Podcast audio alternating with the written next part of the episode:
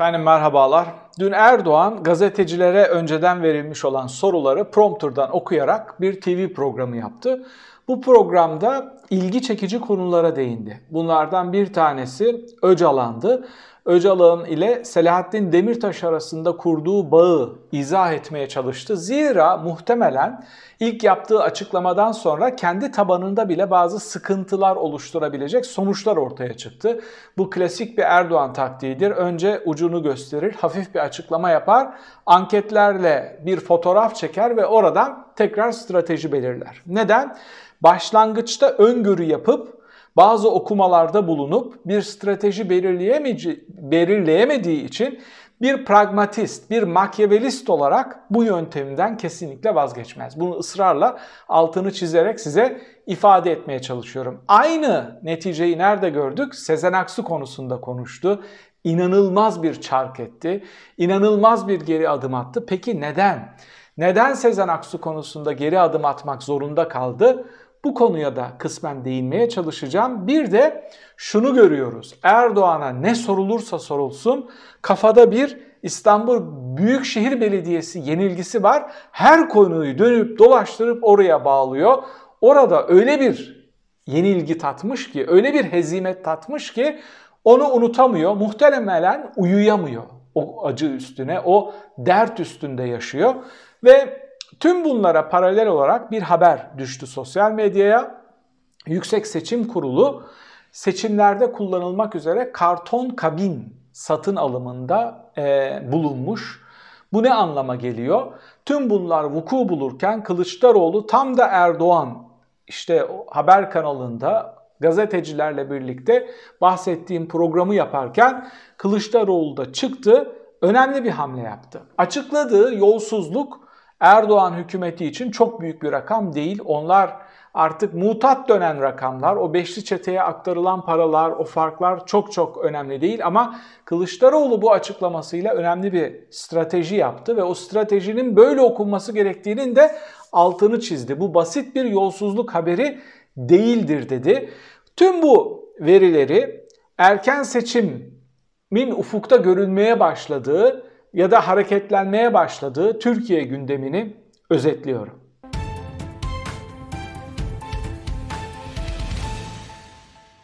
Erdoğan yurt dışındaki önemli aktörler karşısında birçok defa geri adım attı. Trump karşısında, İtalya Başbakanı karşısında liste çok uzun. Yani orada gücü gördüğü zaman sözün moderatöreydi, işte ona değildi, buna değildi.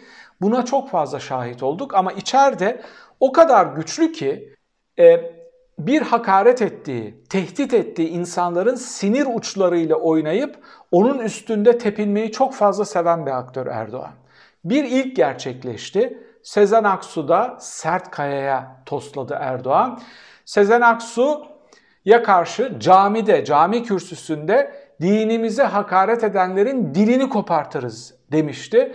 Ben bunun çok büyük bir gaf olduğunu söylemiştim. İki sebepten dolayı. Birincisi Sezen Aksu'nun arkasında olan muazzam bir halk desteği. İkincisi Sezen Aksu'yu hedef haline getirmesi.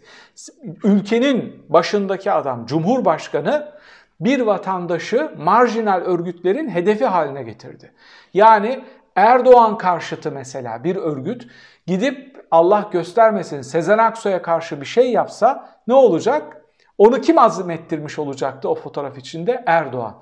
İşte hem halk desteğinden dolayı hem kendi tabanında bile biz açlık çekerken sen nelerle uğraşıyorsun tepkisinden dolayı hem de Sezen Aksu gibi bu ülkeye mal olmuş en önemli sanatçılardan bir tanesini açık hedef haline getirdiği için tehditleriyle geri adım atmak zorunda kaldı. Neden geri adım attı biliyor musunuz?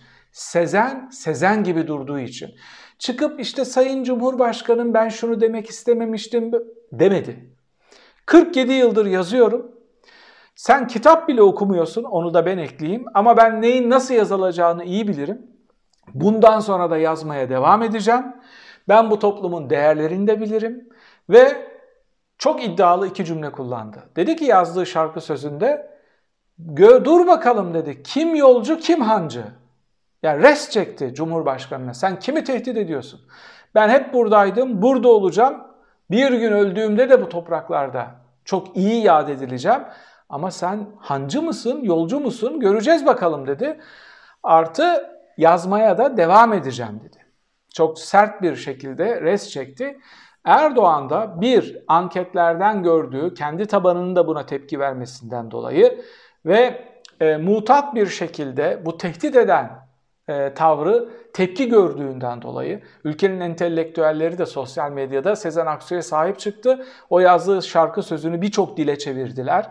E, uluslararası alanlarda haber oldu ve Erdoğan geri adım atmak zorunda kaldı. Bakın Sezen Aksu bu topluma bir şey vaat ettiği ve verdiği için Erdoğan'a res çekebildi. Muhalefet de Sezen olsun, Sazan olmasın. Çıksın, biz bu topluma tıpkı Sezen gibi bir şeyler vereceğiz. Duygu birlikteliği yaşayacağız. Birlikte buradan çıkacağız deyip güven ilişkisi kurarsa saraya bile geri adım attırabilir.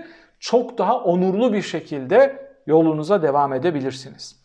Erdoğan'ın yaptığı ikinci önemli açıklama Öcalan hakkındaydı. Çok enteresan. Öcalan hususunda Erdoğan geri adım atmıyor. Çıkıyor diyor ki işte Demirtaş'ın oradan vermiş olduğu hapishaneyi kastediyor. Hapsetti, hücreyi kastediyor. Demirtaş'ın oradan vermiş olduğu mesajlardan rahatsız olduğu ortada diyor. Bir gerçek bu. Yani ne kadar yazık. Değil mi? Öcalan çok rahatsız. Erdoğan da bunu dile getiriyor. Ve muhafazakar seçmen bunu hazmedebiliyor bu tabloyu. Şimdi şöyle düşünün. Şöyle düşünün. Bu açıklamayı Kılıçdaroğlu'nun yaptığını düşünün. Çıkıp dese ki Öcalan çok rahatsız şundan şundan şundan dolayı. Türkiye, Erdoğan medyası, saray aktörleri ayağa kalkar değil mi?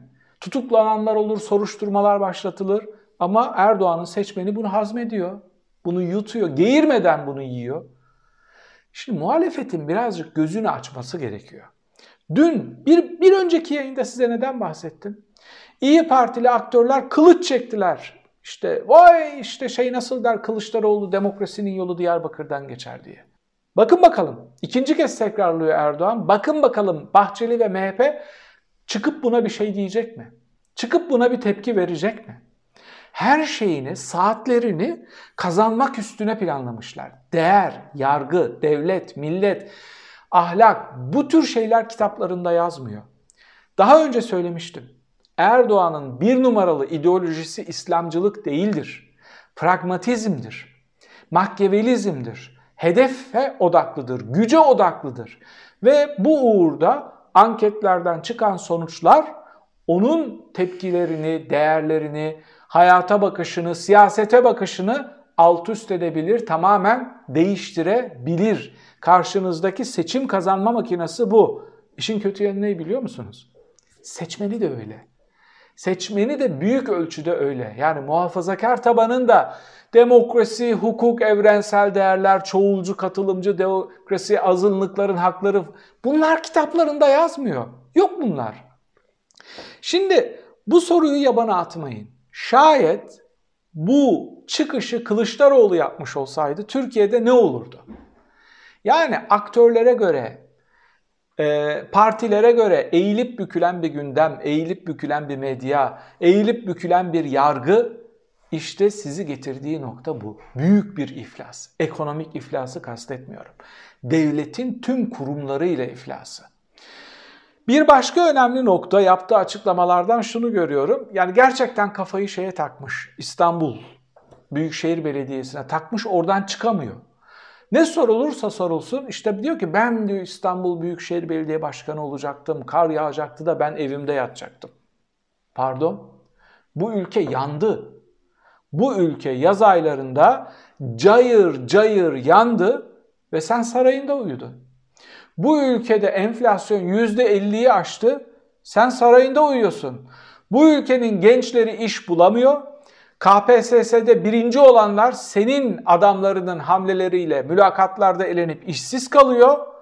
İsyan ediyor. Bu ülkeyi %53'ü terk etme hayali kuruyor. %53'ünün, halkının %53'ünün bulabildiği ilk fırsatta ülkeyi terk etme hayali kurduğu bir ülkede cumhurbaşkanısın ve sarayında mışıl mışıl uyuyorsun. Listeyi uzatabilirim. Listeyi çok fazla uzatabilirim. Mışıl mışıl uyuyorsun. Seni orada mışıl mışıl uyutmayan şey ülkenin dertleri değil, İstanbul'u ve Ankara'yı kaybetmiş olman ve Türk seçim tarihinde İstanbul'u ve Ankara'yı kaybedenin Türkiye'yi de kaybettiği gerçeği.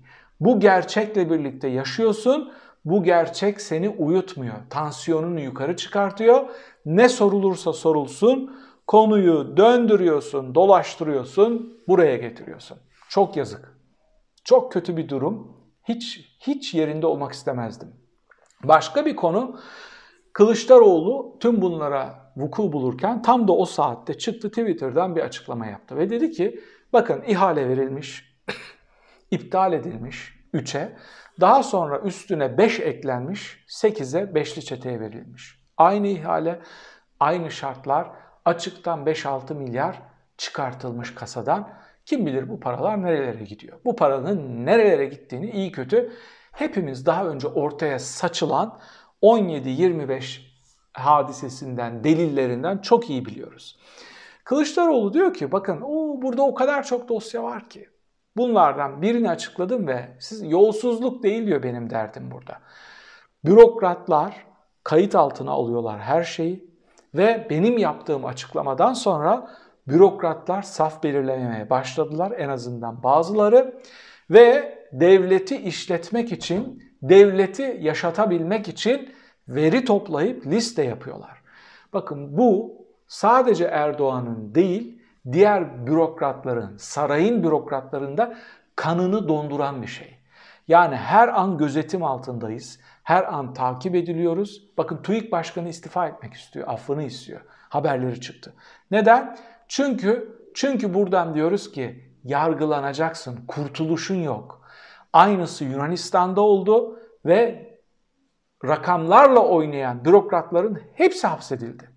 Çünkü ülkeyi iflasa götüren bu hamleydi. Bu bürokratlardı. Ülkeyi iflasa götüren, demokrasiyi yok eden bir de yargı bürokratlarıydı, yargı erkeğiydi. Bunların çok fazla kurtulma ihtimali yok. Çünkü buraya payan doldular. Kılıçdaroğlu diyor ki bunu şunun için açıklıyorum. Bürokratlar safını belirlemeye başladı ve çember daralıyor. Çemberin daraldığını görenlerden bir tanesi de Yüksek, Yüksek Seçim Kurulu. Yüksek Seçim Kurulu'na her an baskın bir seçim olacakmış gibi hazırlıklı ol emri verilmiş. Peki baskın seçim olacak mı? Bunu saray da bilmiyor. Ama baskın seçim yapmaya çalışıyor. Ellerindeki enstrümanlarla birlikte bir oyun kuruyor, hamleler yapıyor, deniyor, anketlerle ölçüm yapıyor, cesaret edemiyor. Ama YSK'ya diyor ki sen hazır ol. Bakarsın tuttururum. Bakarsın 3 tane aynı işareti denk getiririm. Kumar oynuyor saray. Erken seçim kumar oynuyor. Tutturursam, denk getirirsem baskın seçim yapacağım. Ben sana düdüğü çaldığımda sakın bana bir bahane uydurma diyor. Hazırlıklı olmaları için oraya emir verilmiş. Peki erken seçim olur mu? Erken seçim olabilir. Bu Erdoğan'ın hayali. Çünkü çöküş daha da büyüdükçe, çöküş çok daha arttıkça YSK üstünden yapmayı planladığı İstanbul seçiminde olduğu gibi hamlelerin de hiçbir karşılığı olmayacak. O kadar korkunç bir çöküm, çöküş olursa örneğin muhalefetin adayı %55-60 oranında bir oy alırsa YSK'ya paşa paşa o sonuçları açıklamak düşer.